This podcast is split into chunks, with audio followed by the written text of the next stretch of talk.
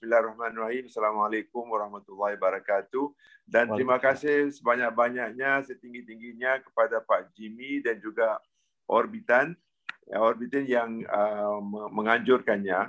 Uh, dan saya juga ingin mengambil kesempatan ini untuk mengucapkan selamat tahun baru yang pertama ya, first anniversary untuk Orbitin dan kita ucapkan semoga terus maju jaya dan terus menjadi nombor satu InsyaAllah. Amin. InsyaAllah. Dan uh, saya juga ingin mengucapkan terima kasih juga kerana kepada Pak Ruli Nurianto yang telah memberi persembahan yang begitu padat sekali. Saya cukup terkesan ini, impress sekali, betul-betul impress dengan data-data yang terkumpul dan juga bukan saja data yang untuk kita mengenal dari dengan lebih dekat lagi uh, keadaan di Indonesia, tapi juga harapan-harapan untuk masa depan. Terima kasih sekali. Dan salam juga untuk semua para panelis pembicara termasuk apa Pak Pak Torik tadi yang sudah tinggalkan tempat ini dan Pak Najib uh, dan banyak juga Pak pembicara-bicara yang lainnya yang saya lihat cukup impresif orang-orangnya seperti Pak Rizky, Pak Teguh dan uh, Ibu Ira ya, Ibu Ira juga dan juga teman saya Dr. Justin Ma. Kalau kita lihat dari nama-nama orang-orang yang terlibat dalam panel di sini, saya rasa Pak Jim ini cukup karamanya. Coba lihat nama-namanya. Dari Pak Menterinya sampai ya Rizky, sampai Teguh, sampai Ira yang baru, dan juga Just, Justin. Jadi Alhamdulillah, kita dapat berkumpul di webinar yang dianjurkan ini oleh Obitin dan kita mengharapkan bahawa dengan sharing melalui sharing yang kita adakan kita akan dapat terus belajar dari satu sama lain uh, untuk kepentingan bersama untuk uh, memajukan uh, bidang SME ini. Uh, saya tidak seperti Pak Ruli dengan banyak data-datanya. Saya lebih banyak bercerita nih Pak Juni. Uh, dan saya cuma dapat mengongsi pengalaman saya sendiri bagaimana saya lihat uh, isu-isu yang kita hadapi ini dalam konteks uh, the past, the present, and the future.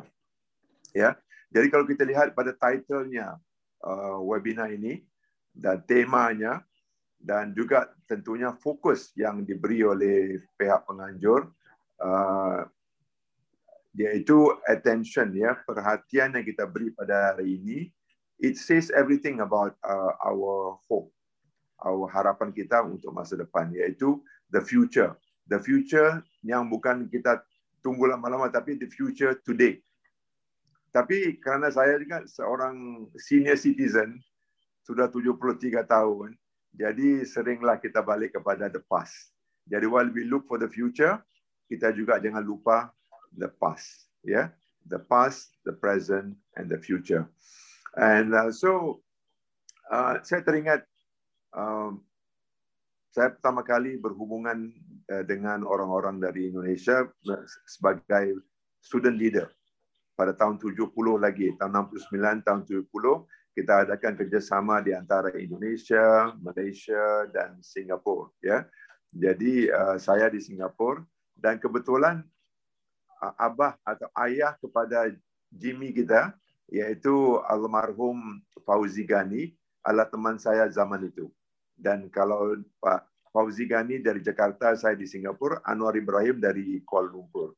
Jadi ikatan yang kita adakan ya dari zaman 70-an lagi, tahun 70-an lagi, kita dapat manfaatkan untuk sekarang dan insya Allah untuk masa depan juga. Karena adalah hubungan seperti itu bermula dari student activities membawa kepada zaman diplomasi bila uh, Pak almarhum Fauzi Gani uh, ayah kepada Jimmy menjadi duta di mana-mana ya di Jepang, di Perancis, di Amerika dan terakhir jadi duta dubes Indonesia di Helsinki. Malah saya cukup bersyukur dapat peluang untuk bertemu almarhum di mana tempat dia bertugas. Hingga kan saya dapat tempat tinggal percuma, makanan pun percuma. Free food, free lodging. Dan kebetulan saya masih ingat lagi semasa Pak uh, Fauzi bertugas di Amerika, saya kebetulan tinggal di tempatnya. Jimmy masih kecil-kecil lagi saya ingat masa itu. Dan saya teringat, saya masih ingat saya mendapat telefon call dari Singapura, dari menteri, seorang menteri dari Singapura. Dia katakan pulang sekarang. Pemilu akan diadakan dalam masa sebulan dan kami mau kamu, mau saya ni untuk jadi calon untuk pilih pemilu pada tahun 1997. Jadi saya bergesas-gesas pulang ke Singapura untuk Uh, bertanding dalam pemilu 1997 dan jadi anggota parlimen selama 15 tahun hampir membawa kepada setiausaha parlimen dan juga menteri negara dan menteri negara kanan dan senior minister of state foreign affairs dan perhubungan diplomasi itu diteruskan. Dan sekarang ini uh, saya lihat ya hasil daripada keadaan masa itu saya ingat masih ingat lagi bekerjasama dengan bukan saja Pak Fauzi Ghani, malah Akbar Pak Akbar Tanjung, Noholis Majid dan Pak Adam Malik, uh, Pak Alam Shah dulu di Segnek, Pak Adam Malik jadi Menteri Luar, kemudian jadi Vice President Indonesia. Jadi saya sendiri banyak menimba pengalaman-pengalaman uh, daripada orang-orang lebih senior dari saya, dari Indonesia, dari Malaysia, dan memanfaatkan dari segi pertubuhan uh, saya sendiri sebagai seorang profesional. Inilah uh, kelebihan yang saya lihat dari segi hubungan itu. Bagaimana kita dapat memanfaatkan hubungan-hubungan dari zaman sekolah, zaman uh, universitas, membawa kepada bidang profesional, ke bawah kepada keadaan sekarang ini.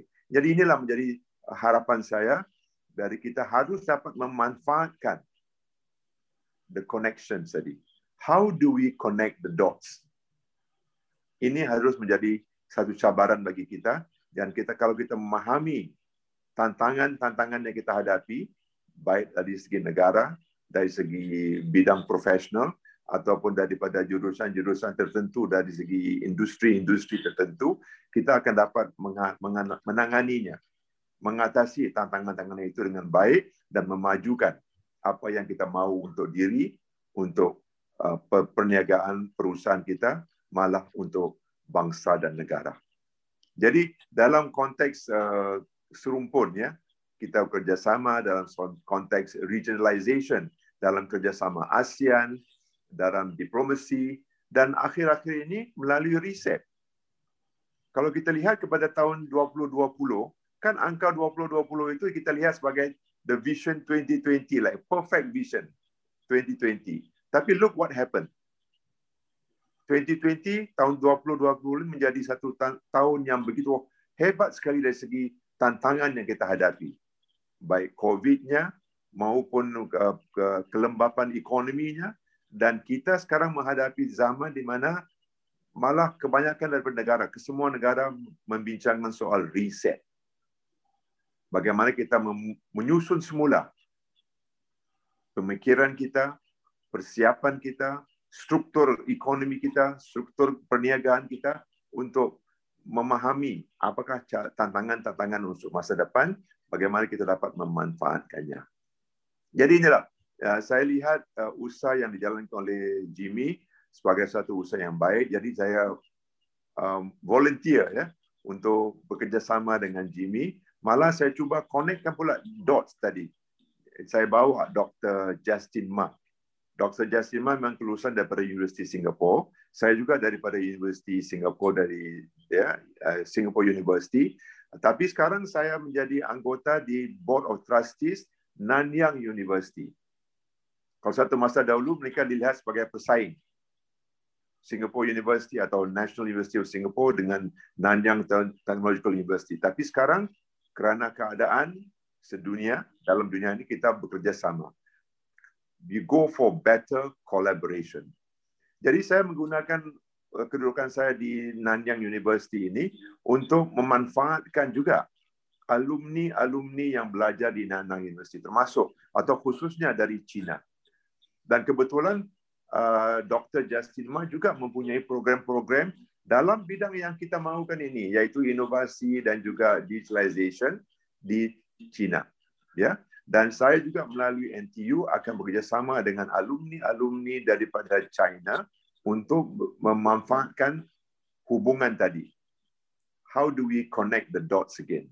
Jadi bukan saja antara universitas, kedua-dua universitas Singapura dan Nanyang, malah dengan alumni-alumni yang uh, manfaatkan sistem pendidikan di Singapura untuk bekerjasama dengan China.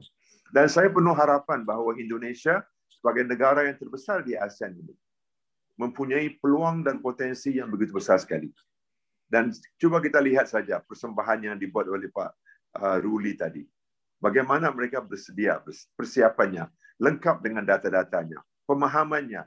Jadi saya yakin bahawa dengan pendekatan yang demikian, dengan koneksi uh, connectivity tadi yang ada, baik hubungan the past, the present and the future, lebih banyak yang boleh kita lakukan. Dan kita sungguh berharap bahawa generasi yang akan datang seperti daripada generasi well, Pak Jimmy, Pak Memo Amazi, ah, susah, apa Amazi juga satu nama yang amazing juga itu. Saya juga menerima apa inspired by that name Memo Amazi tadi.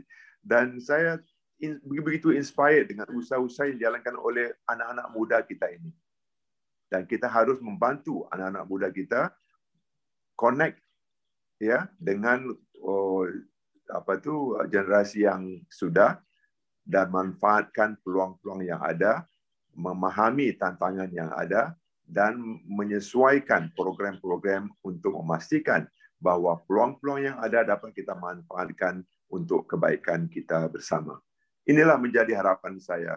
Jadi saya akan serahkan kepada expert ya seperti Dr. Justin Ma dan juga daripada apa tadi daripada Kementerian Indonesia kita harap Pak Pak Ruli akan sampaikan salam kepada Pak Menteri Mas Duki juga kita juga menaruh harapan terhadap menteri Pak Menteri akan bantu terus membantu uh, Pak Rizki daripada Grab dan juga Pak Teguh daripada Kadin dan uh, juga practitioner seperti Ibu Ira tadi.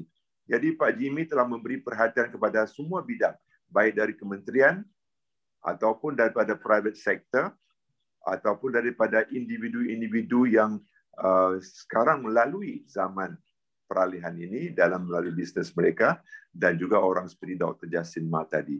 Saya penuh harapan bahawa webinar ini akan mencapai maksudnya. Ini sebagai satu permulaan. Ya, as a starting point as we look to the future.